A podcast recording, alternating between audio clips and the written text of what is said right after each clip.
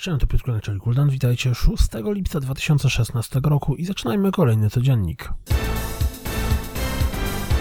Techland został polskim wydawcą Formula F1 2016, co postanowił podkreślić przedstawiając polski zwiastun gry. Fury zadebiutował, również w plusie, pojawił się więc również jego premierowy zwiastun. Gra oprócz PlayStation 4 dostępna jest również na PC.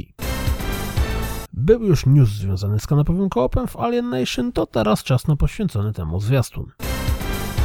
Zwiastunem przedstawiono kolejne elementy rozszerzające Ark Survival Evolved. Lifeless Planet 19 lipca pojawi się na PlayStation 4. Wcześniej gra wyszła na PC i Xbox One. Z grzebania w plikach aktualnie trwającej alfy Battlefielda I wynika, że kampania single player będzie składała się z 6 epizodów podzielonych na mniejsze rozdziały, że dostępnych będzie 10 map i 6 trybów multiplayer. Sprawdźcie dokładną listę, jeśli Was to interesuje.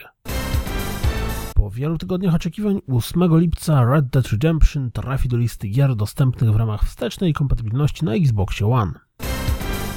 Wygląda na to, że Sony w tym roku również oleje Gamescom. Mimo braku jakichkolwiek nowych informacji o grze, Deep Silver potwierdza, że Dead Island 2 nadal znajduje się w produkcji.